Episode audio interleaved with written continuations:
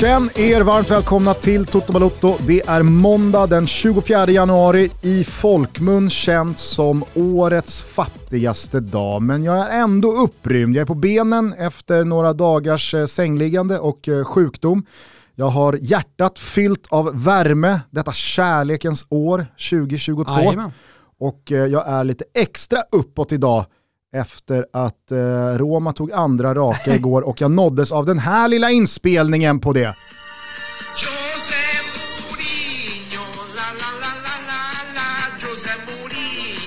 La la la la la la la, José Mourinho Facci vincere a noi José Mourinho La la la la la la la José Mourinho Han hatar du inte. Nej, eh, vad är det han heter? Jag vet han har gått några matcher på Twitter eh, som inte går att likna. Några av mina matcher, jag har gått på Twitter i alla fall, men det är ju en, jag ska, jag benämner honom nu som lokaljournalist i, i Rom, men eh, jag tror inte han har ett arbete som lokaljournalist utan bara twittrar. Eh, och han brukar då spela in små, väldigt känslofyllda eh, videos eh, kring Roma och få väldigt många emot sig och så blir det tjafs och det har gått till rätten i Rom till och med. Han, har, han, har liksom, han säger hela tiden att han ska denunciare, han ska anmäla folk och det gör han också och så tar han det. Han verkar vara en paragrafryttare. Men eh, för fan, eh, jag älskar han efter den där sången. Ja, jag känner att den här lilla snutten kan bli ett eh, stå, stående inslag eh, framöver i podden. In på soundboarden. Den här eh, ska du lägga in där på ditt lilla mixerbord eh, och jag tror att Kim också ska stoppa på sig den här i skafferiarsenalen. Härligt. Vi tar den igen. Kom igen! Mourinho! La la la la la la la José Mourinho La la la la la la José Mourinho Facci vincere a noi José Mourinho La la la la la la la José Mourinho, tja-la-la-la-la-la. Alltså, Kan jag verkligen också jag sjunga så med? jävla uppåt. Ja, jag blev det också. Vilken dag det är! Härligt! Och det var så gott igår också efter... eh, Inte ens 4-0 i en säker ledning för Roma. Nej men du hörde väl vad han sa efter matchen? Nej. Han fick frågan. Eh, då när Empoli går upp till 1-4 och sen 2-4 så stannar det ju där. Jo. Men med tanke på hur Romas säsong har sett ut och inte minst då tappet av 3-1 till 3-4 mot Juventus bara för två veckor sedan så sa Mourinho då på presskonferensen, nej men det var för tv-tittarna. Hade vi gjort eh, 5-0 så hade alla stängt av och någon måste ju hålla liv i tittarsiffrorna här i, eh, i Serie A. Så det, det, var för, eh, tittarsi- det, det, var, det var för tittarna. Ja, eh, härligt jag att han tänker på oss neutrala fotbollssupportrar som sitter och kollar. Eh, men hörni... Fin match på eh, Castellani annars, alltså, eh, överlag sådär. Jag gillar Empoli den här säsongen. Så har vi pratat nog om Empoli, men jag, jag säger bara det, de har ju också Tsurkovski som här eh, Fiorentina ägd. Det pratas om att komma tillbaka. Empoli fina. Andrea Zolli där eh, i Ja. alltid lika härliga eh, overallsmunderingar. Mm. Jag, jag är svag för tränare som eh, går utanför kostymramen Ja, och kör träningsoverallerna. Jag gillar det. Det. Eh, hur som helst, eh, ni som tittade på Fotbollssöndag Europa igår kunde se Adam Pintorp i programledarstolen. Som jag nämnde så var jag risig senaste dagarna här. Åkte på något skit i torsdags. Mm. Var riktigt eh, illa däran i fredags, men två hemtest fredag, lördag, eh, covid. Negativt Mm. känner jag att eh, det måste varit något eh, skit på pizzan. Eh, Alltså jag har haft covid eh, 70 gånger så att eh, här kan det komma in utan problem. Alltså. Vi, kan, vi kan tungkyssas du och jag Gusten, det är inga problem. Jag är i alla fall på benen idag, men jag skulle vilja ta med dig och eh, alla er lyssnare på hur min helg var. Som säng och soffliggande då jag inte kunde jobba. Min tjej var frisk och fit for fight och hade fyllt år och var ute och firade sig själv med lite kompisar och så vidare.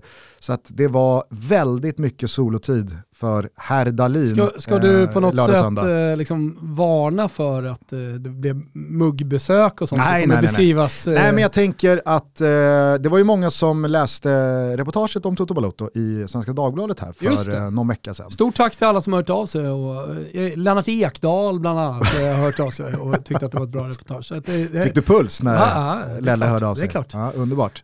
Det enda vi skulle vilja addera till detta sex sidor långa reportage som var oerhört matigt och bra måste jag säga. ja. Eh, verkligen. Det är ju att eh, superproducent Kim Wirsén inte nämndes. Trots att både du och jag gång. väldigt tydliga. Ja. ja, ja. Eh, Kim har ju varit med i precis lika många Toto Balotto-avsnitt som du och jag. Och är det tredje ben som vi inte klarar oss utan. Ja, Eh. Men då, då framgår det ju i det här reportaget att vi konsumerar väldigt mycket fotboll. Mm. Och då tänkte jag, för ett litet så här, ja men, eh, som ett litet dokument till eh, lyssnarna, men också till mig själv, så tänkte jag här nu eh, i svepform ta dig med på min helg. Hur den Ja, såg vad ut. härligt. För att då ytterligare måla bilden av, Vad den här man- podden, eh, vad grunden till den här podden är. Pelarna Exakt. så att säga. exakt, och vad det är man lutar sig mot när man sitter här två gånger i veckan, minst, och pratar Mm. För om den i, fotbollen man jag ska bara konsumerar. säga det, i eh, reportaget så eh, följde de ju med dig till eh, en sändning, Champions League-sändning. De var eh, med mig när jag var med tjejerna på fotboll och så var de också hemma hos mig. Eh, så det var lite bilder, men det var inga bilder hemifrån från dig. Så det här blir då Nej, liksom det. och det tror jag var bra. För att man var inte så bildskön i förrgår. Ah, du menar så ja. när man låg där i kallingar och var, och var jävlig, Nej. lite frossig, mådde illa. Mm. Men ändå sugen på att göra jobbet som man så gärna gör. Visslar nu. Låt mig ta er med på en helg i Gugges verklighet. För i helgen slogs något slags årsbästa tror jag vad gäller antalet matcher. För sjuk för att kunna göra något annat än att bara ligga i säng och soffa. För frisk för att inte vilja se så mycket som det bara var möjligt. Vi tar det kronologiskt med början lördag 13.30. Big Dunk Ferguson hade vrålat upp till kamp i de blå delarna av Liverpool, pröjsat supportrarnas bärs och kastat jackan. Nu skulle det krigas och Stevie G's Aston Villa skulle falla. Men Everton fick liksom inte till det överhuvudtaget. Mjäkigt, idéfattigt och temposvagt. Då kan man inte ens ta kampen och vinna dueller i det här läget. Nej, då är man riktigt, riktigt illa ute. Lukas Ding var tillbaka på Goodison, slog hörnan som Boendia knoppade in bakom Pickford och Villa lämnade plåtskjulet som segrare med blicken uppåt i tabellen. Parallellt med denna fight kikade jag Rooneys Derby falla rättvist mot Nottingham. Jinx! Innan ögonen riktades mot Tyskland 15.30. Leverkusen Augsburg fick det bli, eftersom jag älskar Florian Wirtz, ni vet det 18-åriga geniet som totaldominerar kusarnas mittfält. Otrolig diamant. Hur som helst så blev det Moussa Diaby som stal showen den här gången med ett hattrick i hemmalagets 5-1-seger. Men Wirtzen hörni, Wirtzen. 16.00 och full patte. Lillögat på Leeds Newcastle, storskärm på Old Trafford och Manchester Uniteds match mot West Ham och stort intresse i Anthony Elangas fortsatta förehavanden. Visst hörde vi en ramsa? Rhythm is a dancer, Anthony Elanga. Det var härligt. Eh, men eh, nej, vilka risiga fighter det blev. Knappt några målchanser, märkligt lågt tempo och för många tekniska fel. En drönare spottades över Brentford Wolves som fick avbrytas, så där knäppte man ju över för att försöka förstå någonting, men nej det gjorde jag inte. Niva var givetvis som allra bäst när han fick prata om det där i studion, men vi blev inte helt underrättade med vad fan det egentligen handlade om. Cavani, som såg ut att vara offside men som var onside, serverade Rashford i matchens absoluta slutskede och Old Trafford kunde än en gång explodera i ett glädjevrål på Fergie Time. Insatsen lovade absolut ingenting, men sådana där ögonblick trumfar prestation och i Leeds löste New Newcastle alla tre poäng. Leeds, mysteriet Leeds. Jag kikade lite Brest-Lill och eh, noterade att den från Inter utlånade Lucien Agomé ser ut som en halv miljard på det där innermittfältet. Men eh, sen slog klockan 18 och Inter klev ut mot ett sargat Venezia för att ta tre enkla på Giuseppe Meazzas potatisåker till gräsmatta. Men oj vad hårt de satt inne.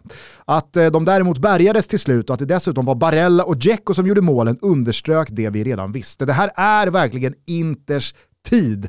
Alla är med och bidrar. Soton tog ledningen mot City och Hasenhüttel eldade på vad som tilläts men City stämplade in i andra halvlek, kvitterade och gick för segern som dock aldrig kom. Men eh, Pep var nöjd ändå. Lyssna bara här va. We one of the best of the season. Celta Vigo och Iago Aspas imponerade stort på ett maxat Ramon Sanchez Pizjuan och eh, det var svårt att slita blicken från La Liga-skärmen när Papu Gomes klev på för att jaga kvittering. Det blev också till slut 2-2 och en jävla tango, men det var ändå bara början på spanska aftonen. För i takt med att Lazio-Atalanta spelade en av de tråkigaste 0-0-matcher jag skådat hade Atletico Madrid-Valencia allt en fotbollsmatch ska ha. Högt tempo, grinig stämning, bra tryck på läktaren, teknisk nivå, många mål och aldrig sinande spänning. 0-2 i paus, blev 3-2 på tilläggstid. Jo, jo, 11 matcher i burken, vi tar oss till söndag. Cagliari-Fio, lunchmacka från Italien, båda lagen i behov av tre poäng och båda lagen med varsina straffmissar. Förstår fortfarande inte hur Joao Pedro gjorde mål, men jag blev upprymd av att Ricardo Sotil kupade handen bakom örat när han kvitterat för att lyssna in vad hans gamla hemmapublik hade att säga om honom pikt. Och på tal om pikt, Liverpools första halvtimme på Sellers Park imponerade på mig. Man gick obekymrat upp till 2-0 och fjolårssäsongens promenadseger såg ut att återupprepas. Men Palace gnetade sig tillbaka, fick in reduceringen och av någon anledning fortsatte van Dijk att parkera sin backlinje vid mittplan. En bizarr straff för Diego Jota kunde dock stänga butiken och Liverpool knaprade in två pinnar på mästarna. Lever det? Ja, jag vet inte fan om det inte gör det ändå va? Parallellt med Premier League-bollen låg mycket fokus på Torino sassarna. Spelmässigt satt jag ganska djupt på bortalagets sidan eftersom tridenten Raspadori, Scamacca och Berardi var tillbaka ihop. Men gisses, jag har aldrig sett en ojämnare match tror jag.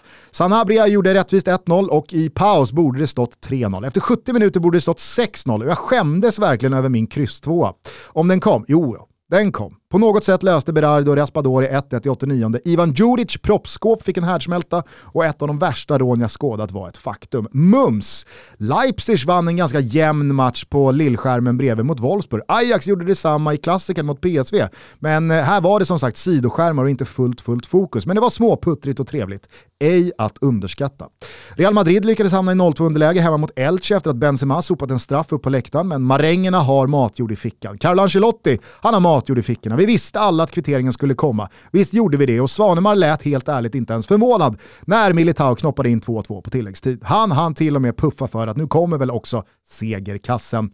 Eftermiddagens stormatch bevittnades från bron i London. Chelsea var trubbiga, Spurs låga och lite trötta i första halvlek, men visst hade Keynes 1-0 kunnat stå. Jag är dock av åsikten att Thiago Silvas erfarenhet och furbo ska belönas, så jag småmyste när signalen kom och stod.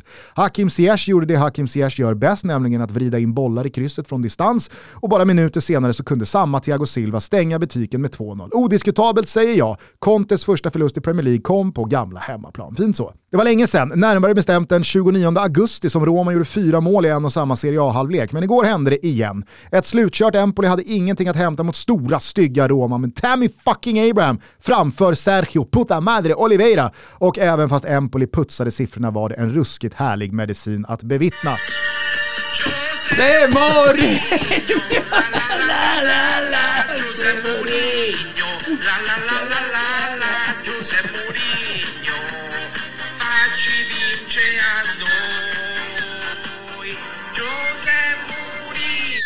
Ja, vi fortsätter. Att Real Sociedad Getafe tickade 0-0 bredvid mig förvånade mig absolut noll. Att Bayern med hela offensivkvintetten från start slaktade Hertha och att åttondelsfinalen mellan Burkina Faso och Gabon blev dramatisk och underhållande lika så. Herregud vad fint det var. Afcon när Afcon är som bäst. Vi säger grattis till Burkina Faso och kvartsfinalplatsen. Kvällen och helgen avslutades med Fotbollssöndag Europa. Milan, Juve, Alaves, Barca och PSG mot Jens Kajustes Rem. Lite parallellt från Expressen. Jag tyckte det var lite härligt. Jag ville kika in Sergio Ramos från start, Jens Cajusto och så vidare. Eh, och han var ganska fin i första halvlek måste jag säga. Rem stod upp helt okej. Men när med Verratti sent gjorde 1-0 så var det rullgardin ner. Sergio Ramos fyllde på till 2-0 med sitt första mål för klubben och det blev till slut hela 4-0. Några fyra kassar blev det inte på San Siro. Planen var så usel att Zlatan tvingades kliva av redan efter en halvtimme. Juventus ville knappt spela fotboll och det var betydligt fler tuffa dueller än ordnade anfall som ledde till avslut på mål. 0-0 var så att säga ganska talande. Och på tal om tecken i tiden, var det inte väldigt väntat att Barcelona till slut kunde få in en pyts och ta alla tre poäng i basken? Jag menar, skaldjursplatån med Pinitoro på Sturehof i maj ska ju betalas av Wilbur José. Så ska det bli, så bara måste det bli. Ja, ja, viska Barca och allt det där. Gnetsegrarna är de tyngsta segrarna och nu är fjärdeplatsen bara en poäng bort med innehavaren av den, Atleti, på Camp Nou när ligaspelet är tillbaka nästa helg. Så, 24 matcher, mer eller mindre, lördag-söndag. Hur var din helg Tompa? Ja, eh, eh, lite som din. Eh, den enda skillnaden, lite mer live-fotboll. Eh, tjejerna mötte killar igår eh, på, i Vinnarhallen. Har du spelat i Vinnarhallen på Bosön? Ja. Det har du gjort, exakt. Ja. Eh, så, så jag var ute och rörde på mig lite mer än vad du gjorde. Eh, men annars så såg den ungefär likadan ut som din, fast jag kanske hade lite mer fokus på de italienska matcherna. Eh, jag, jag såg mycket eh, Real, Barca eh, från Spanien, sen jävligt mycket Premier League och jävligt mycket Serie A. Men nej, vi, vi har en tendens att eh, leva ungefär samma liv. Men vilka matcher fastnade på dig då? Nej men alltså, jag gillade Empoli-Roma. Eh, jag, jag tyckte verkligen att han hade någonting. Eh, att eh, Real Madrid fick liksom börja hämta underläge också. Eh, jag tyckte det var fint. om jag nu liksom ska på något sätt eh, jacka i eh, ditt svep, så var det en match som jag liksom smygkollade lite på och tänkte, äh, det där skiter jag vill bara se Benzema göra mål. Jag vill se, jag vill se vad heter de? Vi bene. jag vill säga vi bene leverera. Mercedes Benz. Ja, men det ska, det ska jag ärligt säga. Alltså, Elche, eh, Real Madrid, den lockar mig så till den milda grad att jag vill se vi bene eh, leverera. Man hade Men sen så hände det ju på- någonting och Man hade ju hoppats på ett mål med de två inblandade igår. Ifall då Svanen hade anammat uttrycket. Mm. Men det kom ju aldrig. Så nej. att han gav sig aldrig chansen att i kommentatorshitten bränna av det. Sitter jag utanför får, får li- ligga på honom lite. Men, eh, nej, men så, det, det, helt plötsligt fanns det ju en, liksom en nerv i den matchen som gjorde att den blev mer intressant än vad jag trodde att den skulle bli. Men är det inte men- lite så med Real Madrid, som vi har hyllat väldigt mycket under den här säsongen hittills, och med all rätt såklart, alltså de har ju eh, verkligen imponerat i långa och många perioder, både i La Liga-spelet, men jag tycker också gruppspelsfasen i Champions League var övertygande. Eh, men jag tänkte på det igår, när man återigen då satte sig i en sån här situation mot ett lag man bara ska kliva över. Att det är tredje gången på ganska kort tid. Alltså, mm, det är 0-0 mot Cadiz, man förlorar mot Getafe och igår så kommer man ju undan med nöd och näppe med en poäng hemma mot Elche. Alltså, det, det, det kanske är lite så att den där startelvan som faktiskt inte snurras på speciellt mycket och när spelare väl kommer in, så, alltså, Hazard kommer ju inte in och avlasta någon. Eh, Valverde gjorde ju ett par, absolut, bra insatser i, i Supercupen här. Men han har ju också haft en del skadebekymmer. Eh, jag tycker att Kamavinga har stannat av lite efter den där jättefina starten. Rodrigo har inte alls eh, på samma sätt liksom, eh, ja, men, kunnat byta av Vinicius Junior eller Asensio när han har varit i slag eh, och, och levererat samma nivå. Alltså, de går ju lite på samma ganska ålderstigna elva får man ändå säga. Och det, det, det kommer nog tappas lite fler poäng ifall det ska fokas också på Champions League parallellt Absolut, men de har ju dessutom råd att göra det. De har ju råd att eh, mer eller mindre ställa ut junislaget i, i ligan. Nej, men Sevilla är ju ändå... det är de som är lite på riktigt. De Ja. andra har hamnat lite för långt efter för att det ska vara möjligt. Plus att de ser inte tillräckligt bra ut. Alltså det är ju så med den spanska eh, ligan i år att eh, de, de lagen som jagar kommer också förlora matcher. Mm. Precis som Real Madrid säkerligen, om de nu fokuserar på eh, Champions League och liksom tappar lite fokus på ligan. Det kommer vara lugnt, de har skaffat sig ett för stort försprång det här året. Alltså Barca tar ju liksom en, en gnetseger igår och jag menar nästa gång, då blir det kryss i den matchen. Så att det, det, det finns ju någonting, det, det finns inget lag som har en eh, great upphämtning att göra. Nej så är det väl, och jag tror också att Real Madrid kan tappa ett gäng poäng här under våren och fortfarande vinna den där ligatiteln. Jag ser inte Sevilla gå rent, för de, de, de, de verkar uppenbarligen inte vara där än, där man tar tag i en match som man ska vinna, i synnerhet på hemmaplan, och gör det gång efter annan och bara liksom ta- tar tre när man ska. Nu, nu, nu sätter man sig i skiten återigen mot ett förvisso ganska formstarkt Celta Vigo, men man tappar ju poäng i, i, i eh, alldeles för strid ström för att kunna käka de poäng man är bakom Real också.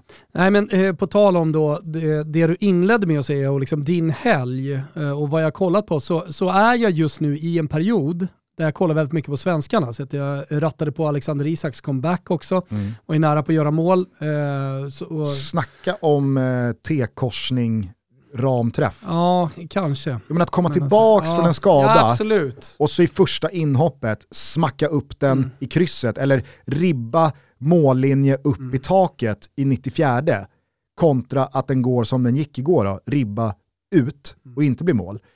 Alltså, det där kan ju vara startskottet på en sån här tidig vårperiod som Isak har skämt bort oss med de senaste två, tre åren. Mm. Nej, men, eh, alltså, jag är inne i en period nu som, eh, där, där jag börjar liksom reflektera när jag ligger och kollar på fotboll så tankarna flyger iväg. Eh, vi, vi har fått sex kupper inställda med tjejerna och om man går tillbaka och kollar på de här två åren så hör man så här, politiker prata om att Nej, men snart är det tillbaka och du vet, barnen kan fortfarande gå ut och ha kul och gå runt sjön och så vidare. Och så börjar jag tänka, har jag liksom börjat tänka rätt mycket på hur, hur de här två åren kommer liksom påverka och det har gjort mig lite deprimerad. Absolut inte deprimerad. Jag, det finns miljarder människor som har det mycket värre än mig. Men jag, jag är inne i, första gången på jävligt länge inne i en lite mental svacka. Och det är för att jag tänker på, liksom, det är två år som är helt ifråntagna.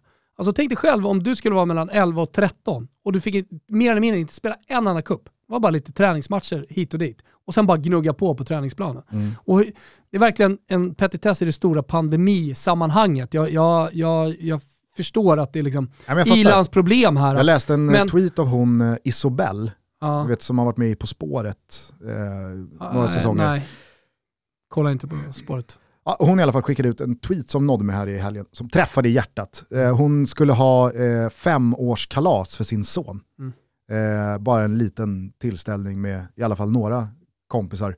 Eh, men eh, en efter en hade liksom så här, på grund av coronan tackat nej och så blev det till slut inställt. De hade gått upp på morgonen och Mm. bakat någon tårta som bara liksom fick ätas upp till en femtedel och sen slängas och så var det över med det. Mm. Och att han då eh, har bränt liksom, två år, han, han har, den här lilla grabben har fortfarande, han vet inte vad ett kalas är. Nej, Alltså, exakt. nästan hälften av hans liv som litet barn har varit bara sitta hemma, inte få vara med kompisar, inte få gå på några kalas, inte, ja, du vet. Mm. Jag känner bara, fy fan. Min Det måste vara så jävla mycket Ja. värre för er småbarnsföräldrar menar jag. Hur påtaglig, stor skillnad Mm. coronan gör för hur ett liv ska vara. Mm. Alltså jag menar, jag och min sambo, ja visst, vi, vi, vi, vi är väl också med om den här pandemin, men vi drabbas ju inte på ett lika stort sätt tror jag, som, som barn som blir fråntagna så jävla mycket av sin Och, och, alltså, min mentala svacka handlar ju bara 100% om barnen. Och när jag började liksom stapla de här grejerna, missade kupper, två år av eh, inga kalas, eh, ja, men, skolan är ju bara ett stort jävla kaos. Alltså utöver liksom, ja men nu, nu får de gå i skolan. De ska hela tiden ut, det är en massa restriktioner, de får inte ha jumpa inomhus, det, du vet, det, det är massa smågrejer sådär.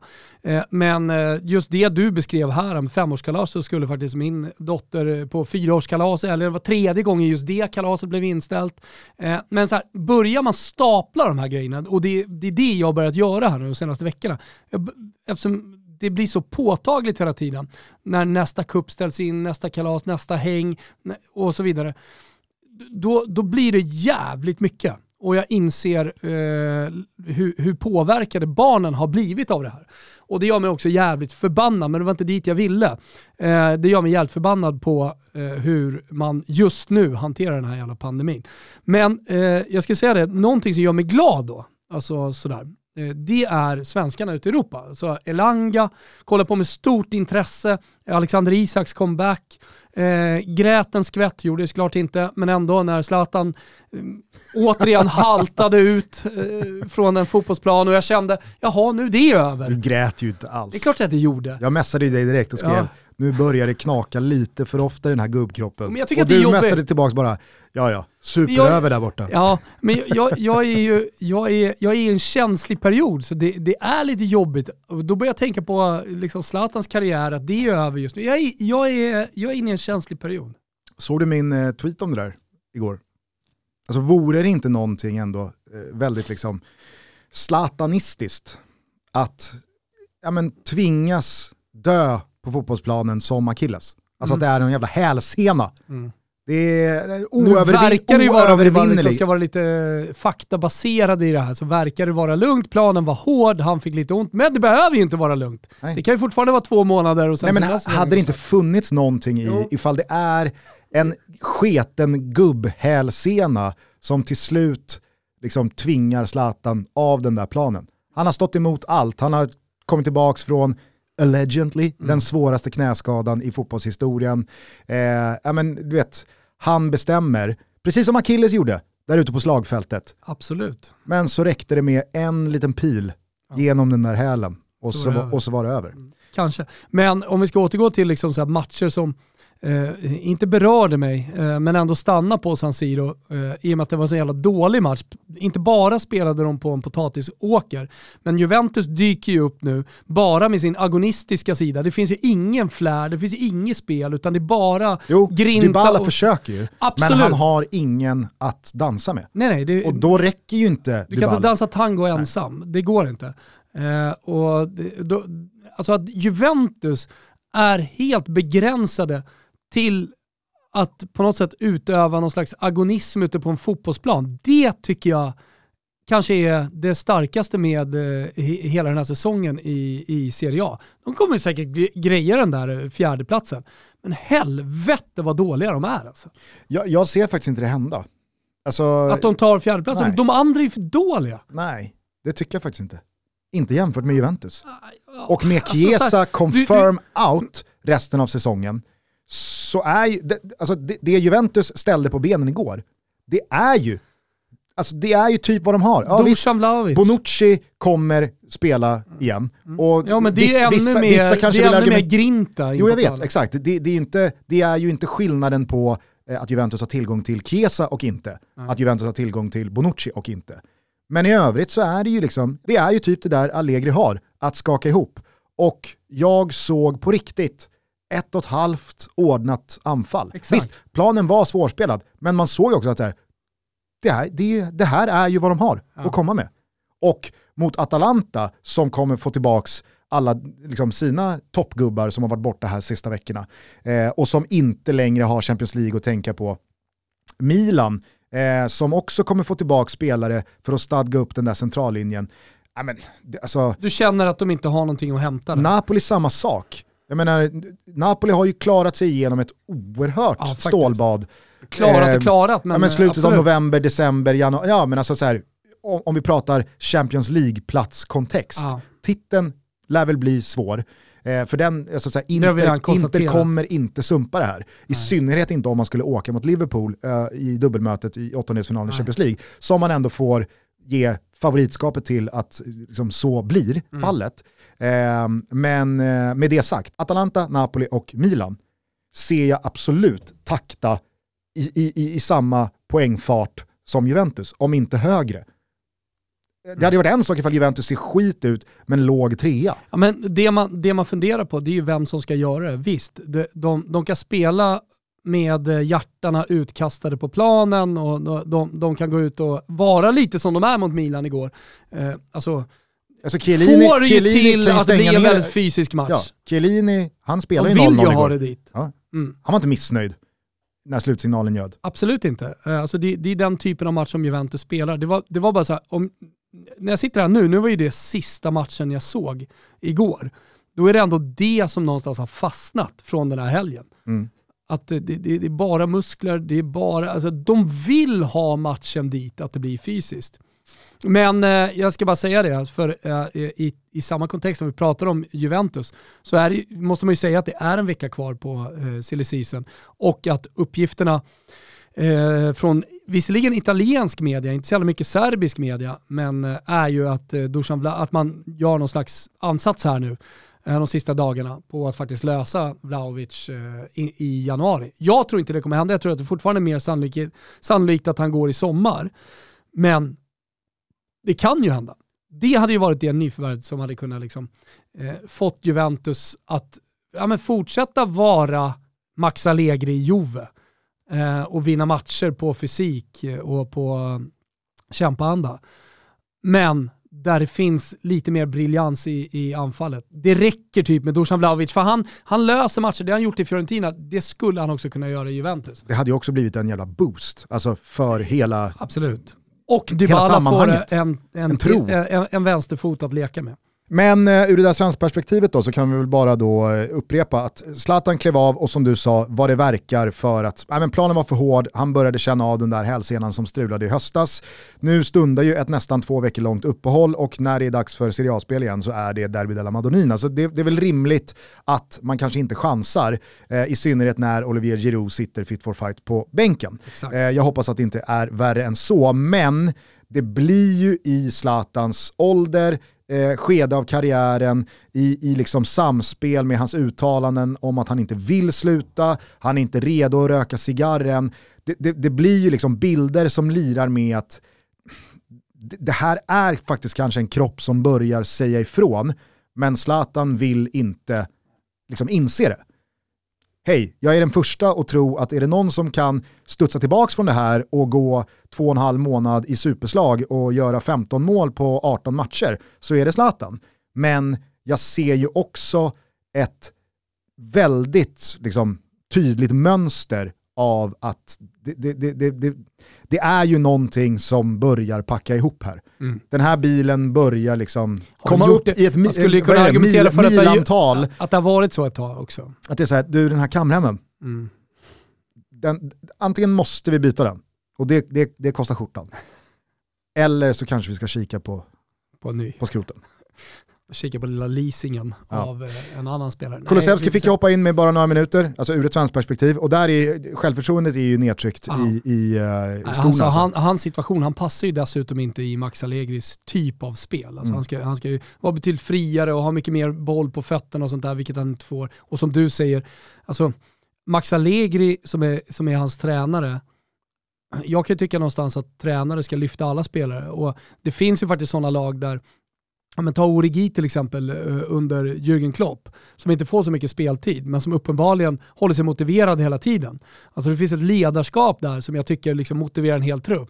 Jag tycker Max Allegri, mm, kanske också när jag lite sådär snabbt i, i tanken kikar tillbaka på hans karriär, tror jag liksom har sina gubbar som han litar på. De är inte 11, men de är heller inte 22. Nej. Eh, och sen så är det vissa som helt enkelt bara får, får eh, ja, men som lämnas till sitt öde. Och eh, det är lite italienskt det där, den typen av ledarskap. Att, att man, ja men då skickar man väl honom, de är handelsvaror, tar man in någonting annat som, som eh, klarar av att eh, motivera sig själv då eh, på bänken och få eh, lite mindre speltid. Men jag tror alltså för Kulusevskis del, eh, att han behöver röra på sig. Det hade varit fantastiskt om man kunde göra det nu, men Kesas skada har, har dödat alla de möjligheterna. Det är inte så att Juventus, om de inte hittar någonting annat, gör sig av med Kulusevski. Och jag ska också säga det eftersom många har läst nyheten i, från eh, Gazzetta dello Sport som återgavs i, i alla tidningar här i Sverige också om att Juventus eventuellt då skulle vilja använda sig av Kulusevski som någon slags bytesvara eh, när man eh, signar Vlahovic nu i januari.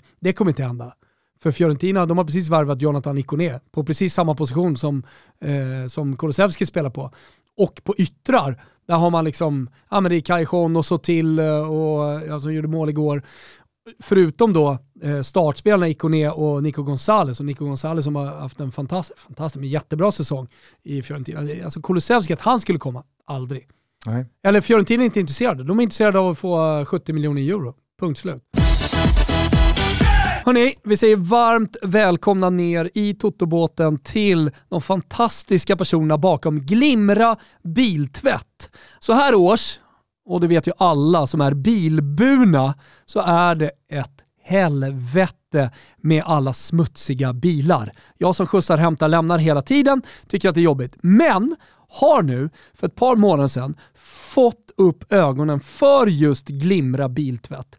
Dels är jag en sån som absolut inte vill repa min lack med borstar, utan eh, jag vill ju ha liksom handtvättade bilar. Ehm, det tar lite tid att göra hemma och sånt där och då var det någon som tipsade mig för ett par månader sedan som sagt om Glimra biltvätt. För bara några kilometer ifrån mig så ligger den uppe i Salem, i rondellen där uppe i Söderby och det är fantastiskt. Jag ska berätta lite mer om vad, vad som händer när man kommer till Glimra. Du tvättar bilen själv och det kan ju då tyckas att det, är jobbigt. Men det är det inte. Det är enkelt, snabbt och det är jäkligt billigt. Bara spola av bilen från smuts och sånt där kostar under 100 lappen. För ibland kan det ju vara så att man faktiskt bara behöver spola av, man har mycket damm och skit på sig. Eh, Glimra har 70 tvättanläggningar runt om i landet och på de här 70 tvättanläggningarna så har de allt för att göra din bil ren. Man startar enkelt tvätten med deras app och den laddar man ner, heter Glimra.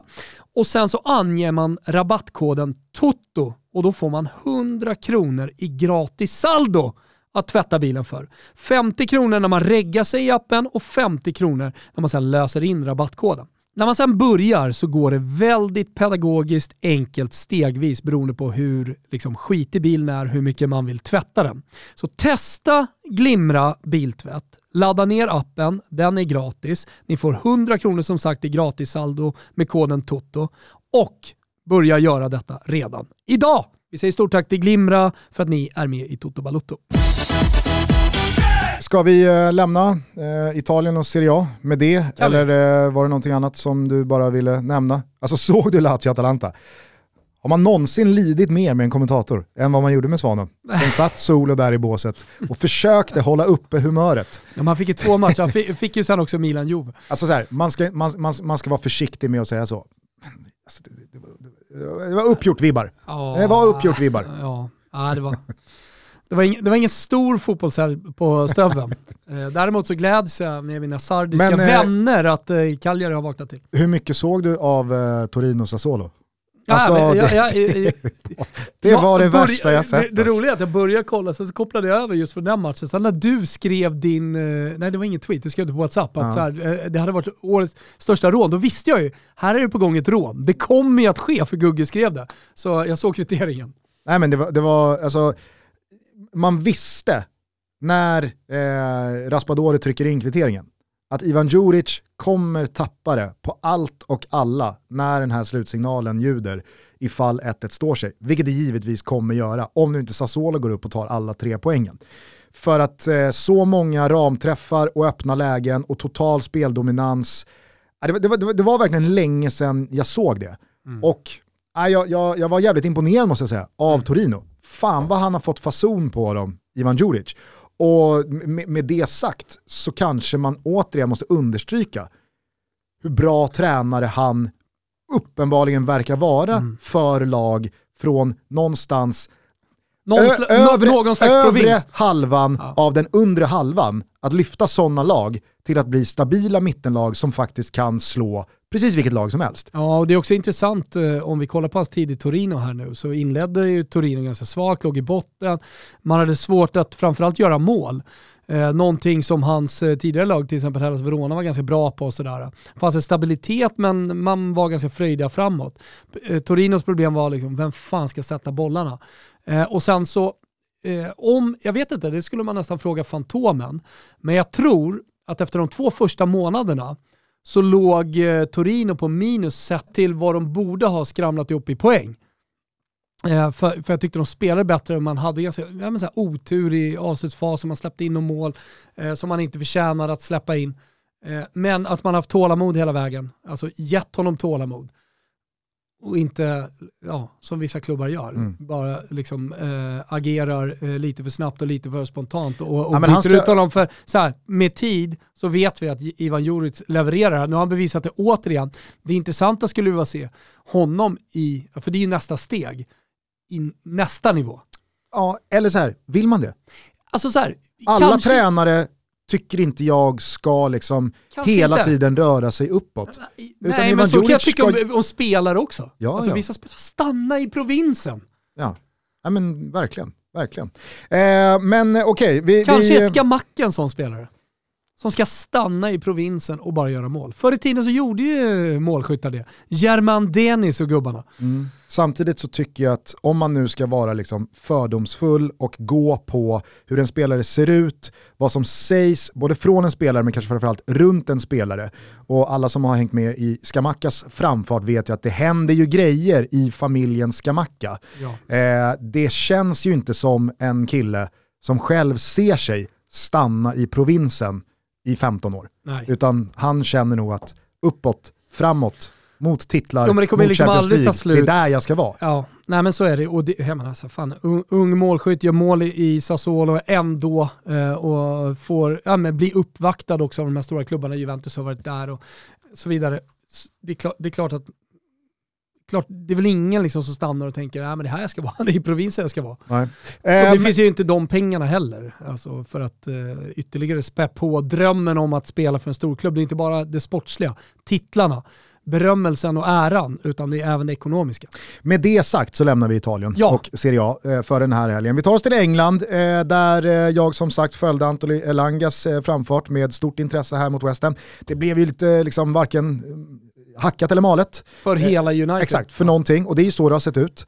Eh, återigen, som jag, som jag sa i, i, i svepet här, eh, så var det ju en insats som, som inte imponerade och som inte liksom, kändes progressiv på något sätt. Eller att nu har Ralf fått eh, ordning på det här pressspelet eller eh, oj vilka härliga anfallskombinationer. Det, det ser ju för dåligt ut. Men på tal om, alltså för att dra liknelsen till då vad Dusan Vlahovic till Juventus hade inneburit, inte bara spelmässigt utan kanske framförallt så här boostmässigt, så är ju en sån här seger i absolut sista sekunden, 1-0, Cavani till Rashford, ett fullspikat Old Trafford som får explodera i ett målvrål. Alltså det kan ju vara en boost. Nu går man in dessutom i 11-12 dagar av vila, i alla fall för majoriteten av truppen som inte ska iväg och spela VM-kval. Eh, man kan återhämta sig, man kan förmodligen eh, jobba en del på träningsplan på Carrington med det Ranjik vill liksom förbättra och utveckla. Marci- Känslan är att det inte kommer bli sämre i alla fall. Nej, Martial hoppade in igen och det var väl liksom någon typ av försonande framför kameran-kram mellan Rangnick och Martial efter matchen.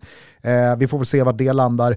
Men jag tror att just den där liksom boost-faktorn i att man tar en sån här seger mot en solklar konkurrent om den där sista Champions League-platsen eh, kan innebära jävligt mycket för Manchester Det United. tycker jag definitivt. Och kollar man bara på liksom raden av resultat, jag vet att de får mycket skit nu Manchester United för hur man spelar och att det ser tråkigt ut och vad är den tyska energifotbollen och så vidare. Men, men eh, det är den där torsken mot Wolves och sen så får man leta ganska långt tillbaka i tiden för att hitta förluster. Jag läste också en jävligt intressant tweet eh, efter den här matchen. Det var någon som hade suttit bredvid någon, eh, alltså någon från West Hams stab. Alltså någon typ av hjälptränare eller analytiker som du vet, man sitter uppe på läktaren för att få det perspektivet och filmar matcherna. Eh, det var no, alltså någon från då mediahåll som hade platserna bredvid den här delen av West Hams eh, stabdelegation. Och i liksom typ 70-75 så hade de två sagt till varandra och så hade den här personen då överhört.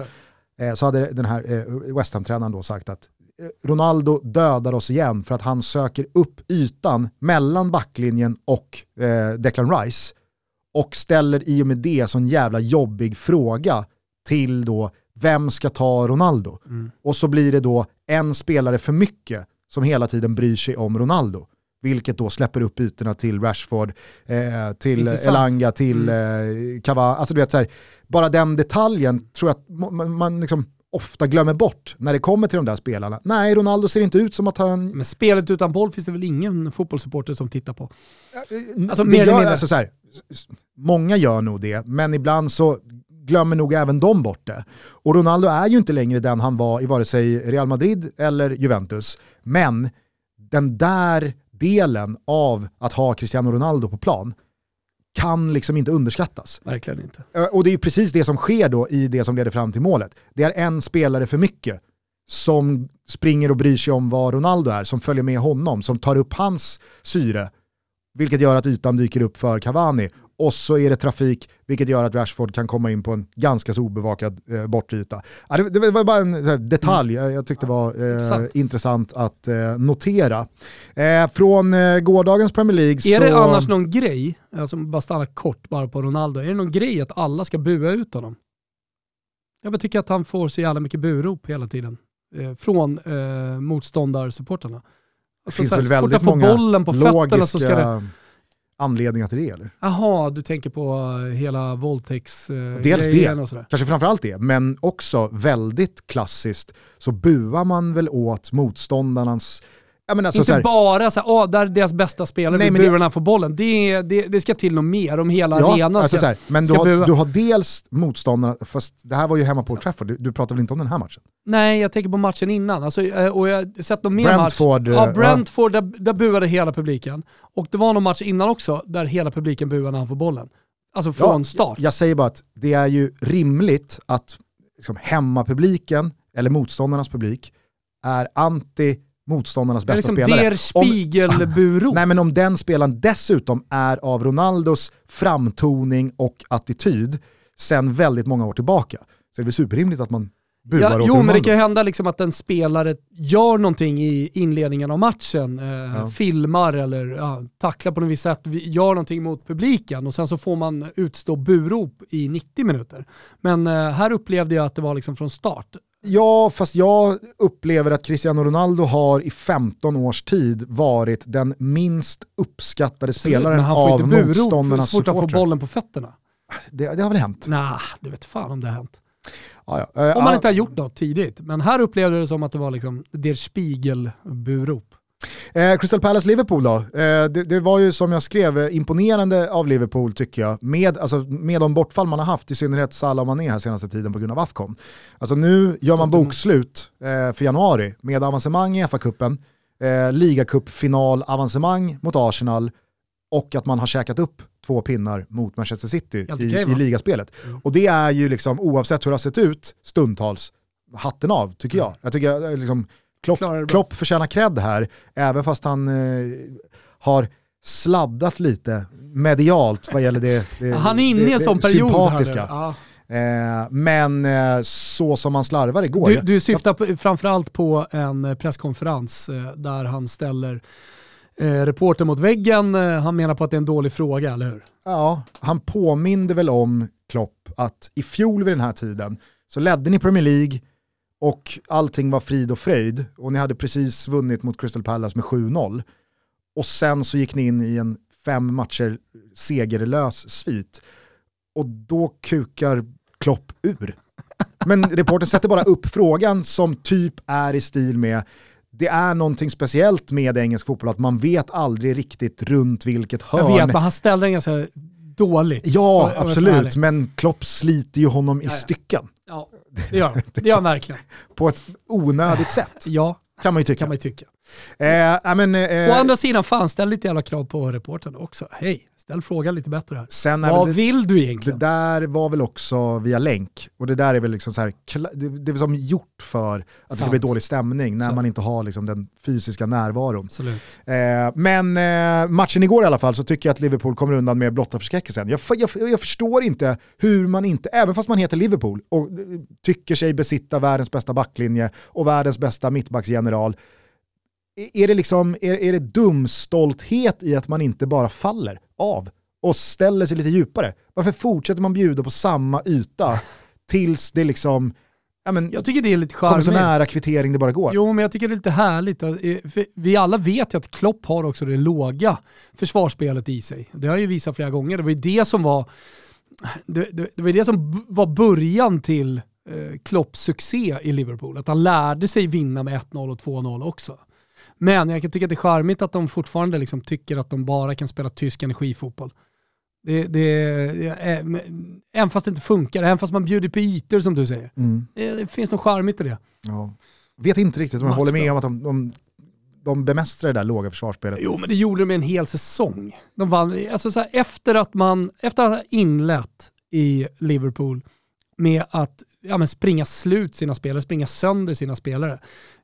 Så, säsongen efter så var det ju ett Liverpool där man inte riktigt kände igen Jürgen Klopp. Ja, nej så kanske det var. Ja. Eh, men eh, den här straffen i alla fall som Diego Jota fixar i slutet eh, av tillställningen. Jag, jag, jag, blev så, jag blev så liksom matt och trött. Du, du har sett den Ja. såklart. Och det är många av er som lyssnar på det här som också har gjort det. Men för er som har missat det så handlar det om att Diego Jota kommer igenom i straffområdet. Han närmar sig en utglidande Guaita som inte alls kommer i någon hög fart. Slidar ut på knät. Diego Jota missar liksom sin sista touch. Om det är något försök till avslut eller om han ska peta den förbi eh, Guaita i en helt hopplös kalkyl att försöka få fatt på bollen. Det låter jag vara osagt. Bollen är i alla fall stendöd efter att Diego Jota fumlat bort den. Då tar han liksom ett sidosteg i en helt annan riktning mot Guaita för att få smällen. Och då brakar han in i Guaita i, återigen, inte alls speciellt hög fart. Guaita måste ju kunna få komma ut och liksom göra sig stor och täcka den vinkeln han ska täcka för att det inte ska bli mål vid ett eventuellt avslut. När Diego Jota då byter riktning med, vad ska vi säga, 75 grader, Ja. Alltså, då känner jag så här, okej, Diego Jota kan väl dra en rövare. Det är inget konstigt att man försöker med det. Men med en domare och med ett varum och med repriser från alla håll och kanter. Jag, jag fattar inte hur den kan stå den här straffen. Nej. Är det ingen som ser det jag ser, det alla andra ser, det, ja, men, du vet, äh, jag, Nu spelar den ju ingen roll. Fast det, det vet vi väl inte. 3-1 i 80, vad var det, 87 är väl en jävla skillnad mot att det står 2-1 och det finns ett Palace som vittrar kvittering i, absolut, i 5-6 absolut. Men jag är så minuter. jävla trött på alla de här straffsituationerna, man söker den här kontakten på VAR-bilderna. Eh, du vet, bara en lilltå touchar, eh, ja men då finns det en möjlighet att blåsa straff. Eh, man, man zoomar liksom inte ut, utan man zoomar in. Där man ibland, tycker jag i fotboll, behöver zooma ut för att se helheten på situationen. Sättet en målvakt går ut på till exempel. Ja. Sättet han, alltså när börjar han lägga sig? Hur känner man över situationen? För det är det som är bedömningen, Mm. inte bara touchen. Ja, men, eh, jag, jag skrev det på Bara Twitter för att det är kontakt så kan det inte vara, så är det inte straff hundra gånger av hundra. jag tycker verkligen att liksom VAR är så trasigt på så många sätt, men det där var verkligen en situation som så tydligt belyste, inte bara att så här, vad, vad är egentligen som gäller, hur kan det där vara straff?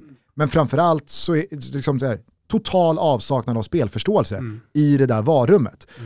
Och så var det många som reagerade på den tweeten, bland annat då Robin Fredriksson eh, som är involverad i, i DIF-podden. Han skrev då ett bra svar tycker jag, att ja, är det någonting VAR har gjort så är det ju att understryka och liksom verkligen belysa hur dåliga domarna är på liksom just spelförståelsen. Mm. Det kanske är något slags steg framåt. Om vi nu ska ha VAR framåt, involvera gamla spelare som, i, I varummet. varummet, Ah. som inte ska vara domare, det är dumt alltså. men som i alla fall ska vara någon slags här konsulterande, alltså no, äh, exakt, så här, en, en, s- som kan förstå Mm. alla olika beståndsdelar i en sån där situation. Mm. Han, kan, han kan komma med sin input när han säger enligt paragraf 14 i den här regeln Ja. så ska det vara straff. Då Exakt. kan han komma in och säga jo, fast. Precis. Smart. Tre domare sitter där, ja fast det här är kontakt. Guaita klipper Mm. Blir det någon slags Diego, röstning Diego då, Jota. eller? Så måste någon liksom sakkunnig eh, spelförståelsefigur sitta där och säga, jo men gubbar, ni ser väl att Diego Jota tar ett sidosteg åt ett helt annat håll för att springa in i Guaitas bröst. Mm. Kan, ni kan inte gå på den. Nej, Ni kan jag, inte gå på den. jag är nog för röstningen i varummet där. Att han kan komma in och påverka med sin input. Och, för de är väl två, tre stycken i alla fall som sitter där. Säg att, säg att de tre. är ja, tre. Och så blir de fyra då. Och så, då kan det i och för sig, ja, de ska vara fem. Hade, nej, huvuddomaren Mm. får också rösta. Han får, han får vara utslagsröst om det är två mot två. Ja. Det är ju jättebra ju. Det är ju en superidé. ja, faktiskt. Ja. Fyra stycken i, eh, alltså tre, Vilken tre, dom, tre man ha domare, en då? sakkunnig. Det kan bli 2-2. Eh, och då, då, bara vid 2-2 så kallas domaren ut. Där är ju en We got a jättebra... 2-2 situation. Exakt. Men, men jag tänker att eh, det är ganska bra att engagera spelare från klubben. Alltså som är kvar i stan. eh, och så, här. så jag tänker att så här, ja, men i, i Djurgården kommer Peter Langemar in. Och, och, Du och tror inte att det finns får bra betalt. och upp, uppenbara jäv-situationer att förhålla sig till då? Kelly Pavey kommer in. Slangen, vad säger du? Ska det vara straff för Djurgården här eller inte? Nej, det har du i och för sig rätt i. Nej, det går ju inte. Där var jag, där var jag snett på det.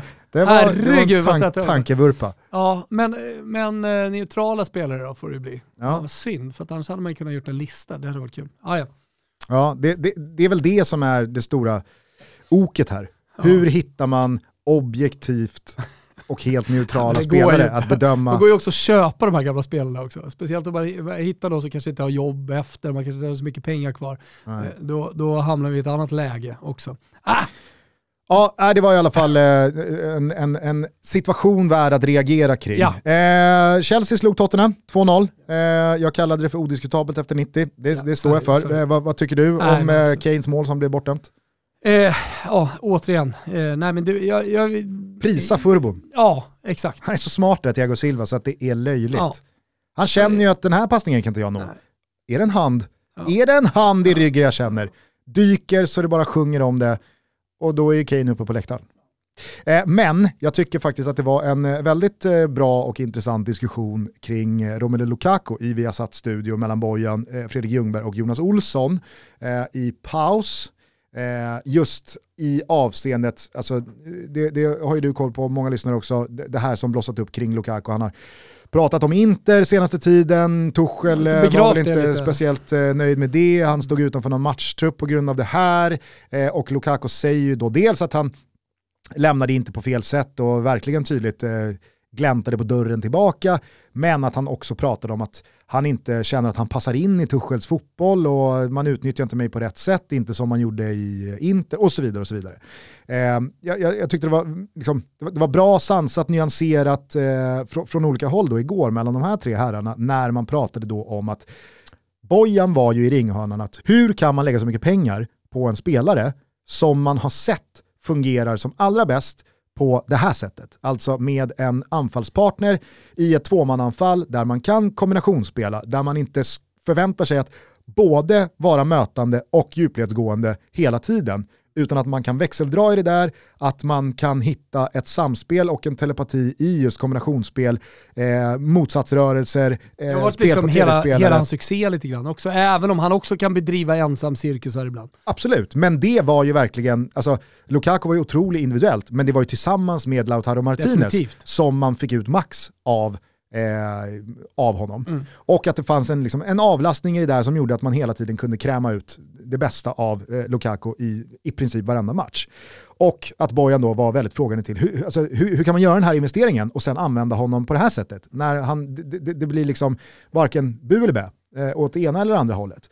Medan då Jonas Olsson och Fredrik Ljungberg belyste, jo fast kostar man de här pengarna, då ska man kunna anpassa sig efter det som finns här och med Mason Mount och alla andra spelare i liksom den rörlighet som finns på Chelseas trekvart så är det inte så att han är helt isolerad, att det skickas massa 70 meters liksom good luck-bollar. Du får ta hand om de här.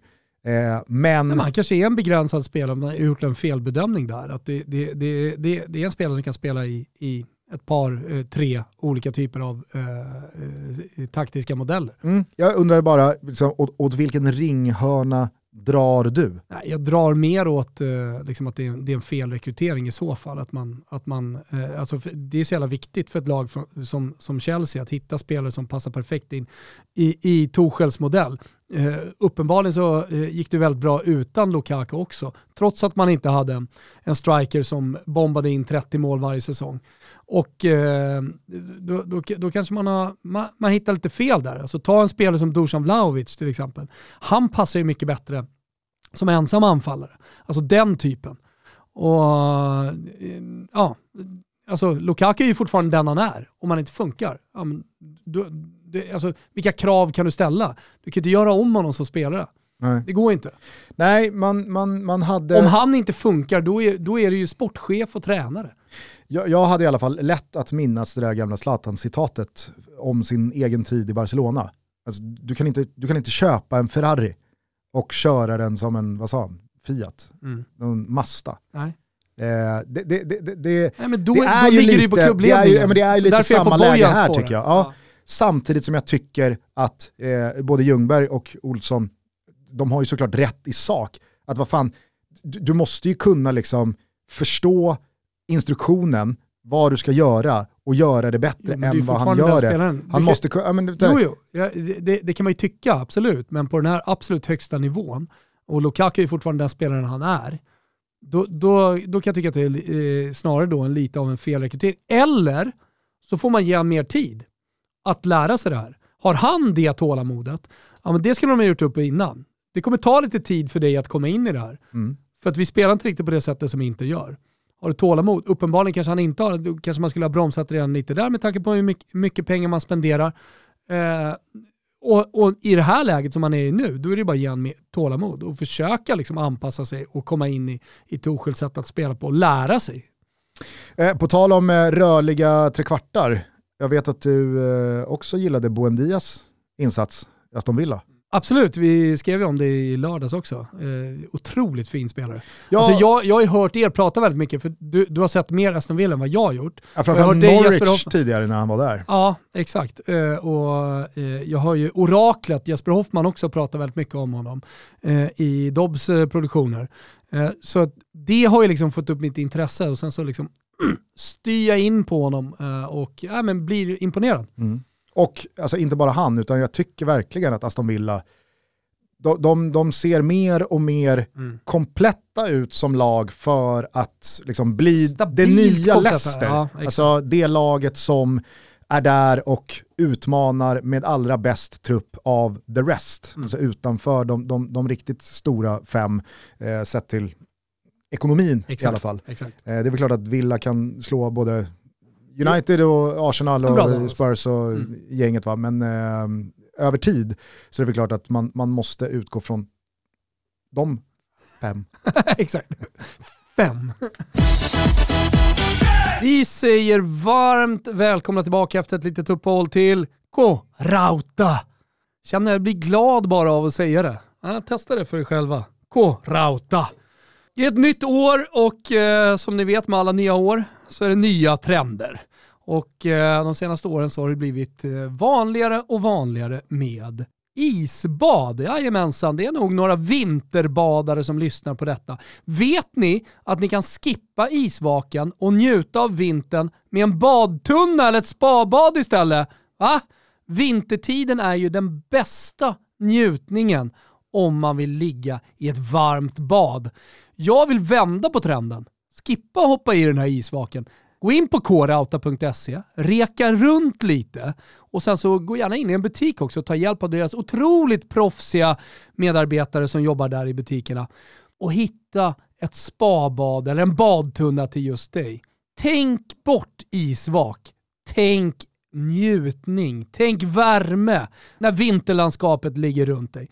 K-Rauta har allt för att du ska kunna skapa ditt egna utespa som du kan använda året runt. Och ni som inte har blivit det, passa på att bli medlemmar i K-Rautas kundklubb för att ta del av en massa extra erbjudanden som man inte får om man inte är med. Det är gratis, det är bara att signa upp nu. Till exempel så finns det just nu ett supererbjudande på den bästsäljande badtunnan från Kirami och såklart mycket mer. Vi säger stort eh, tack och varmt välkomna tillbaka till K-Rauta. Säger du? K-Rauta.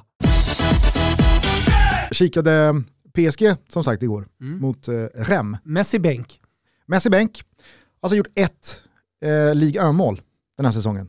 Hela- Förvisso, hela förvisso en del skador och sådär, men, Mm. men helt ärligt, så, så här, hallå, Oho. Larma om du lever. Lionel, Hela vad är, det, som- vad är det som händer? Hela grejen med Messi i Barcelona var ju att han ville spela alla matcher alla minuter. Eh, Du kommer ihåg när Luis Enrique bänkade honom eh, borta i San Sebastian och det blev ett jävla liv. Mm.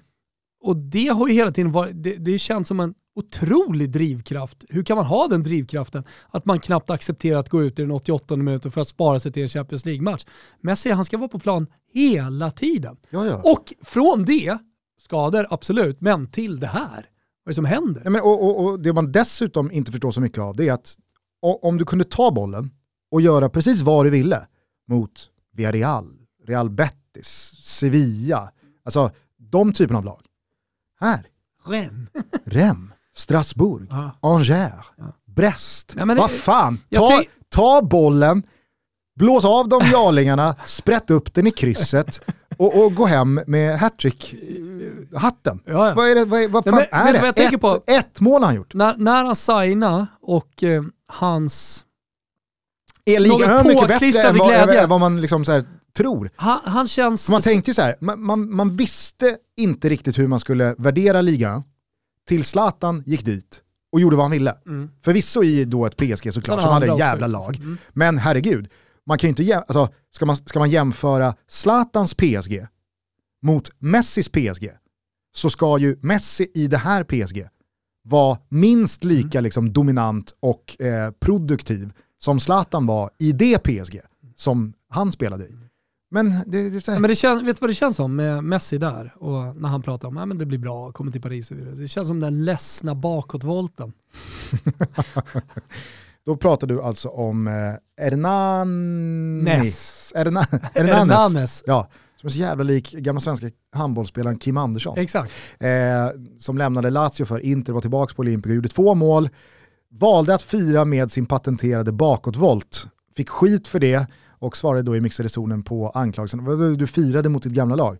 Ja, men det var en ledsen bakåtvolt. Ja, exakt. Och, och hela hans tid nu i Paris, även om man försöker ge ett sken åt att allting är frid och fröjd, så är det liksom en, det är en ledsen bakåtvolt över hela hans tid i Paris. Mm. Och det är deprimerande. Samtidigt som eh, Sergio Ramos säsong kanske då går åt andra hållet. Ja, men du Eh, vet ju allt vad som typ händer här. hela hösten. Ja. Eh, eller typ, Så jävla det, det har han väl ju varit. kalibrerat. pratades väl till och med från Leonardos håll att eh, Ja, något ja. kontrakt skulle rivas Jo, och det det här var var inte mycket- alls vad vi eh, trodde. Och mycket rök utan eld och så vidare. Men nu smyger han sig in i både matchtrupp men och startelva, tittar- gör mål Titta på klockan här och ser att det är Champions League eh, på Simor om eh, några veckor va? mot Real Madrid. Ja.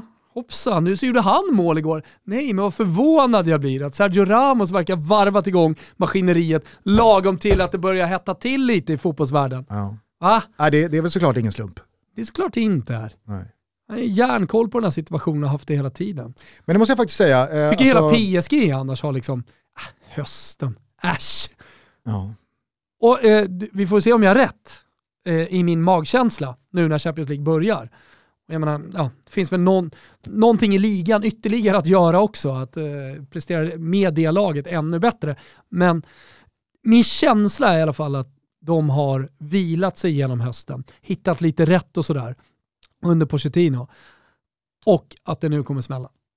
Vi Ja, vi det. får väl se. Eh, bara två korta reflektioner. Jens Kajuste. Jävlar. Kul. Jag- såg inte en frame där. Nej, Men eh, han eh, spelade på det där centrala innermittfältet, ganska framskjuten position. Okej. Och eh, han har ju direkt förärats med nummer åtta. Har han en sånt, lä- bössa? sånt läser man ju in mycket. Eh, Det, det är Känslan är att han eh, återstår- har ärvt Albins bössa. Den är ju inte... Okej, San Siro borta, hattrick, eh, polarna på läktaren. Absolut, jag har också sett honom göra mål med den där vässan. Men eh, det är någonting i ryggslutet som gör att han inte riktigt får pendeln. Nej, men, och, och, alltså, och, och det, som är så, det som är så jävla märkligt med Albins, både skott men kanske framförallt hans målfacit, han letar ju fortfarande efter första kassen i landslaget, gör ju sällan mål och när han väl gör mål så är det ju... Gudarna ska veta att han har varit nära. Ja, absolut. Men, men eh, målen han har gjort har ju inte varit liksom raketer från 32 meter upp i nättaket. Men det jag skulle säga är så ironiskt är att från ett gammalt landslagsläger som jag var med på, Det kommer jag ihåg, det har du berättat Exakt. förut, men dra den igen Ja, men när vi då, ehm, kommer, jag vet inte om den fortfarande används i någon slags talangutveckling, men Nej, på den här tiden-. Nu använder man rebounder kallas det för. Jag Ja, vet men vad du vill säga, det här var gjord av trä väl? exakt, Ja. pärl. Ja heter exakt. Men Nu, nu för tiden använder man rebounder. Okej, det är typ något... Nät. ja, Mm. exakt. Jag, jag, jag skulle föreslå trampets, Ja men Liknande, liknande, ja liksom. liknande, exakt. studs. Ja men nät. precis. Hur som helst, det här var en, liksom en trälåda som heter pärl, eh, och sen så skulle man liksom sätta en passning på det, bollen studsar upp och så skulle man klippa till. Och under det här, liksom, under det här lägret, under de här övningarna, så fanns, fanns ingen fot det small så mycket om som Albins. Den satt i pärlen och sen satt Den bollen satt i pärlen in. och sen så bara smällde det vid den där högerfoten och sen så smällde det bara i nättaket eller i ribban eller vart han nu placerade sina distansskott. Och jag menar, det, det var många som hade bra skott men ingen hade så bra skott som Albin.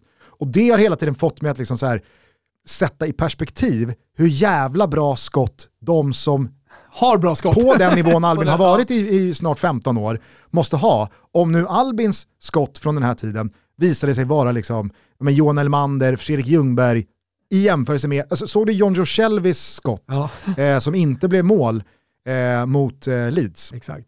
Nej men alltså, det, det är ju sån jävla, vad, vad, är det? Hästspark från eh, någon typ av Game of Thrones-värld. Ja, Eh, men eh, nej, det är ironiskt ja. att eh, liksom, det, det skulle Men sluta jag tror numera att det är någonting i ryggslutet som gör att pendeln inte riktigt sitter där. Men det är klart att du skulle kunna gå tillbaka till tidigare delar av karriären. Men jag såg ju honom tidigt som lite där, den gamla De Rossi som kom in i straffområdet och nickade in eh, bollar. Lite som han gjorde i BP när han kom fram där. Ja, men det pratade vi om förra veckan vet, också. De Rossi har ju skickat in ett par Jo. projektiler från det. distans. Men dock, det är ändå lite kul med De Rossis distansskott. Det var ju inte alltid liksom de här missilerna, pressade vristerna som stegrade och det bara liksom sjöng till i nätet. Han drog ju ofta på liksom så här, de, de var lite flacka, de var lite wobblande, de var lite med skruv i, de hade höjd, sänkte sig. Mycket- Hela registret nej, men pratar om här. Mycket märkliga skott var det från Ja, Rossi. ja. Jo, det var det. Eh, Den andra grejen då från PSG eh, Rem. I paus på då Expressens sändning så gör eh, Paredes en eh, flash-intervju, Mm. så som spelare gör. Mm. Och eh, det som eh, jag hajade till kring var att eh, reporten pratar franska. Eh, givetvis. Paredes liksom, får ju frågorna franska, svarar bara på spanska. Och samtalet liksom, flyter Mm. som om de pratade samma språk. Händer ofta i Italien. Men jag, alltså så här, jag trodde att det var större eh, tröskel Nej. mellan franska och spanska ändå. Alltså är du italienare, spanjor, fransman, då kan, då kan du liksom föra en konversation eh, alltså om fotboll. Jo, jag vet att du Eh, tar inga dig runt. Nej men alltså du kan verkligen göra det. Alltså jag ser det hela tiden i italiensk tv. När det kommer nya brassar, spanjorer, eh, fransmän, eh, att de gör intervjuerna på det sättet och det funkar. Mm. Och då tänkte jag i alla fall, det var det jag skulle landa i. Mm. Undrar om det finns någon diskussion i Frankrike eh, om spanska, så som det gör här i Sverige kring danska. Om man ska gå över till engelska eller om man ska texta. Aha. Och så finns det då en region, Mm. för det tänker jag mig, att liksom, Baskien typ. ja, men, eh, sö- södra Frankrike, borde väl rimligtvis ha då en större förståelse, ett bättre Jag tror inte det öra funkar så. för spanska. Eh, hä? Nej, nej, alltså, det tror jag verkligen inte. Jag tänker att man lever närmare det och att det Nej, ändå nej. finns liksom... Eh, du, du, då måste du ju gå till historien, liksom just den regionen, hur det har sett ut. eh, Och jag menar, vi har ju alltid varit Men vadå, Danmark och jo, men vadå, Danmark har varit jo, svenskt fast skåningar har ju en, upplever jag i alla fall, större förståelse Jo men det beror ju för på hur danskan. historien där eh, vid gränsen har sett ut. Liksom, har, de, har de varit en del, de- alltså, jag menar södra Frankrike är ju Basken. De har ju varit basker, pratar baskiska. Eh, och i Katalonien har man pratat kata, eh, katalonska. Alltså jag menar, det, det- går ju inte att jämföra med, med svenska och danska. Och att, de, att vi är nära gränsen i Skåne till danskan. För du, pratar ju helt, du pratat helt olika språk. Jo fast den här reporten Ja. har ju eventuellt inte måste- det- levt och frodats det- i, i närheten av basken. jag säger ju bara att, alltså så här, okej, språken har Men du ju... vill få det till bara för, eh, klart att- bara för att det är närmare gränsen så ska man ha lättare att förstå det, språket på andra sidan gränsen. Jag tänker att man Så hör, behöver det inte vara. Nej, det behöver inte vara så. Men jag rimligtvis, tycker det är helt orimligt. fast rimligtvis så borde väl skåningar ha, Ja, men du pratar Eh, om skåningar. ja, Och eh, den svenska, danska eh, språkhistorien. Ja, och och jag hur det har sett ut mellan länderna. och jag säger att rimligtvis så borde ju Det går ju inte att skåningar... jämföras med, med, med Frankrike och Spanien. Va, alltså, nej, jag pratar om eh, fransmän från liksom, delar av Frankrike närmre Spanien. Ja. Borde ju precis som skåningar oftare Nej, än det det norrlänningar komma i kontakt med danskar och danska språket. Eh, Varför då? ja, vad fan, det är väl som att fråga, eh, liksom, kommer du oftare i kontakt med eh, folk från menar att de- att man Södertälje pratar som man jämfört gör. med någon från Halmstad Nej, som men- bor i Halmstad? Nej men det blir så här, för att, att de pratar som de gör nere i Skåne och att det, det, det är liksom närmare danska, att, att de har en bro direkt över och att man rör sig väldigt mycket i regionen Köpenhamn och, och södra Skåne. Alltså, det, det, det är väl fullt rimligt. Men att eh, liksom, eh, franska basker rör sig liksom, till Katalonien och åker ner till Barcelona och så vidare, där man pratar eh, katalanska. Det, alltså förstår du? Det, det, det, är två, det är äpplen och päron, det går inte att jämföra. Du måste, då måste du in och kolla på liksom, hur språkhistorien ser ut i de olika regionerna och hur man rör sig. Det är möjligtvis att... Eh, Jag vet, jag, vet, inte, jag, vet inte, jag vet inte längre vad vi pratar om. Jag vet inte längre vad vi pratar om. ah, men det går, jag, jag, jag tror att du gör- eh, jämförelsen för grund där. Okej, jag, går jag, jag, eh, jag, jag tänkte i alla fall på att Ja, där står han och pratar liksom bara franska och Paredes står där och pratar bara spanska. Men det är klart det finns sådana Och- och- regioner, och- ta och- och- och det verkar- det verkar, det verkar flytta på hur bra som helst. Ja men det är klart det finns liksom regioner där det finns ett arv av ett språk. Ta Sydtirolen, Italien till exempel. Sinner, han vann ju sin eh, åttondelsfinal här i Australian Open precis. Han är ju därifrån. Pratar tyska och, och italienska. Där har du den närheten. Men där har du också historien. Att e- efter första världskriget, eller under första världskriget, så var regionen Österrike. Är du med? Ja. Ja men det är klart, det är ju närtid i historien när, man, när, när landet till och med tillhörde. Regionen, eh, exakt, det var Eistrash. Är du med? Ja. Så att jag menar, var, man får, får väl ta varje, varje liksom gränsområde för sig. Ja, Det är inte orimligt! jag vet, jag, jag, säger, jag säger bara, jag vet inte riktigt vad, alltså, vad det är vi diskuterar. Nej. Och jag känner, jag, jag känner inte... avsluta? Jag känner inte att jag blir klokare i det jag eh, tänkte Nej. på. Jag tror lyssnarna förstår Efter att ha lyssnat på dig förklara att en österrikisk tennisspelare, Nej, varför italiensk. va, ja okej, Ja. italiensk, också pratar tyska. Sydtirol, Ja. Ja, ja. Eh, nej men okej, eh, det om det. eh, missa inte nya Beck. Nej, Eh, släpptes i fredags. Eh, Rage Room Wow. bevittnade jag eh, från eh, sjukstugan. Såg du spoilern? Ja, du spoilade den eh, i, I League Fan TV. League Fan-TV-gruppen. Ja. Det var ju Jag tyck- roligt. Det tycker jag var grisigt gjort av dig. Men alla ni som inte har sett den, gör det. Men eh, herregud, man skaffar väl först och främst ett simor abonnemang för att se all sport som finns att eh, konsumera där. Ja, Eh, all League fotboll från. La Liga och eh, Serie A och sen så är Champions League-åttondelarna nu bara några veckor bort. Eh, gå in på simor.se sport, skaffa det abonnemanget som passar just ditt sportintresse och din plånbok bäst. Men det finns ju en jävla massa fint att se också via Simors eh, film, dokumentär och serieutbud också. Mm. Jag har börjat följa Farmen. Ja. Sveriges Mästerkock är igång. Mm. Jag, jag, jag tipsar bara om Cacciatore, ni som inte har Ah, sett den, oh. in för fan. Vill göra en shoutout också till vårt Instagramkonto, kanske är lite kladdigt. Har du slutat säga shootout?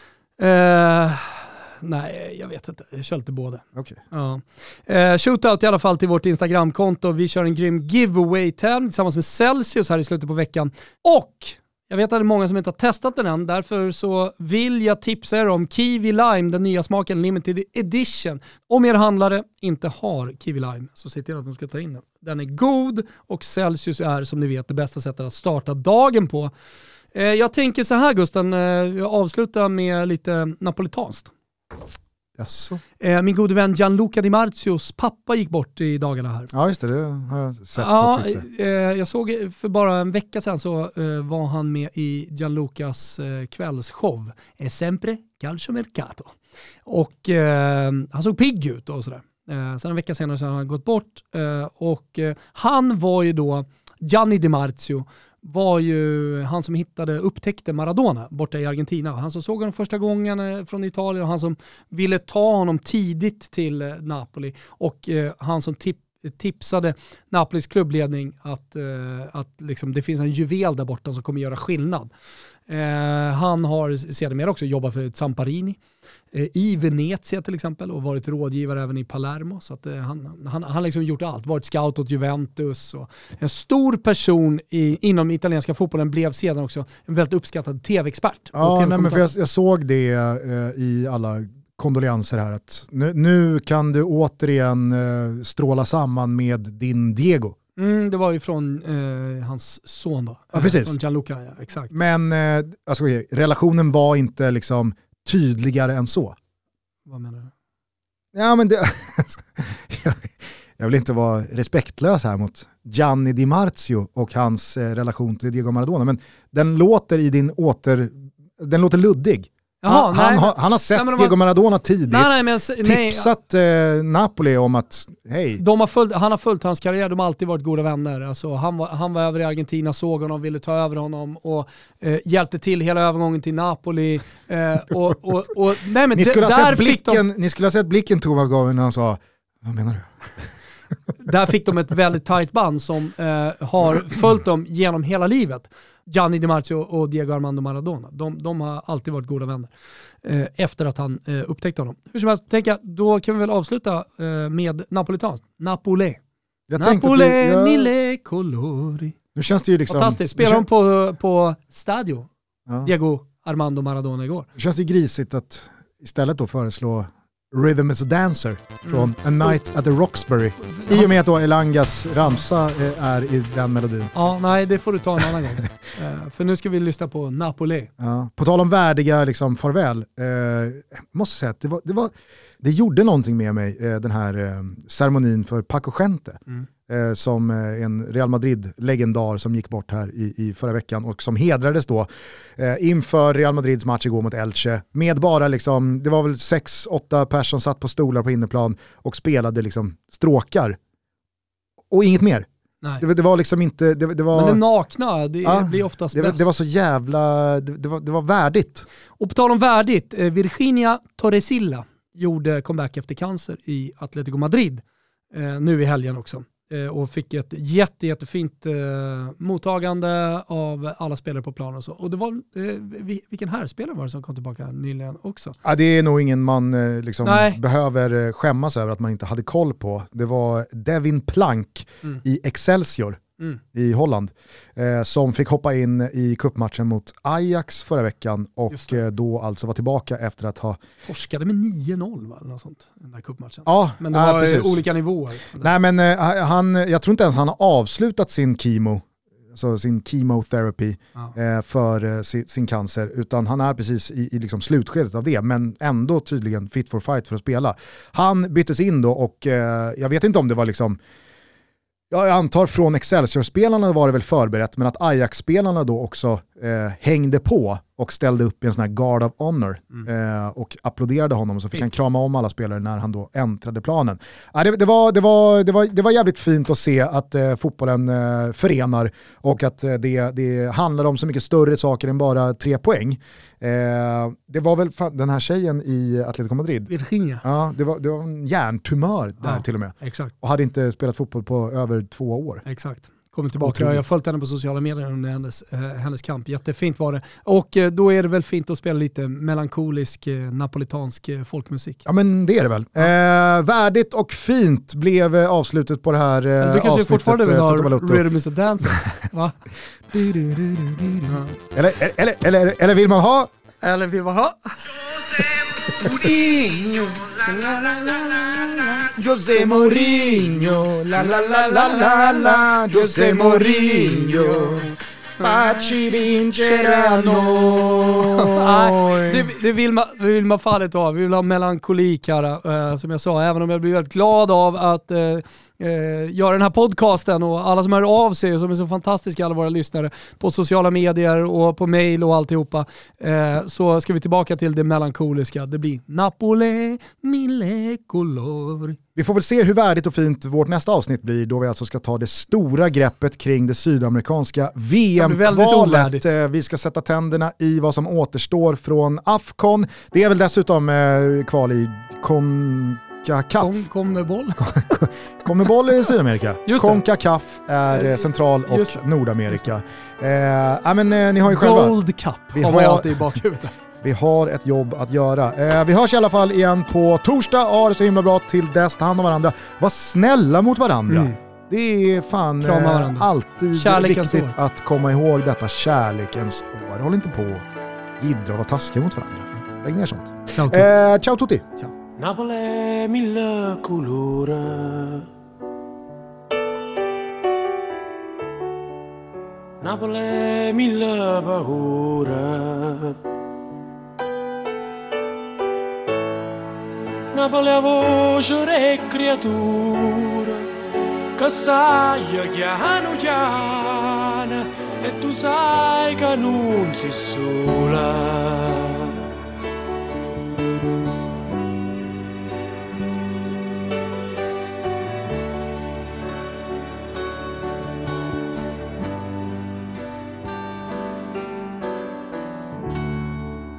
na plenu sola mare. Na ple adori mare.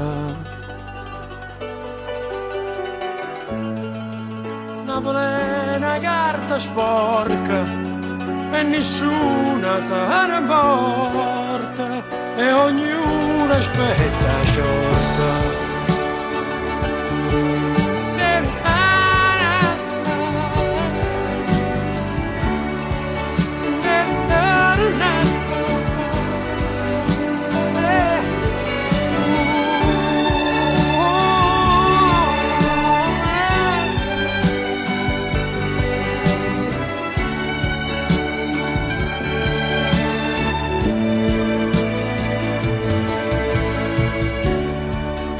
Una plena camminata Prendevi che mi è salata Napoli è tutto un sogno E a sabato tutto mondo Ma non sa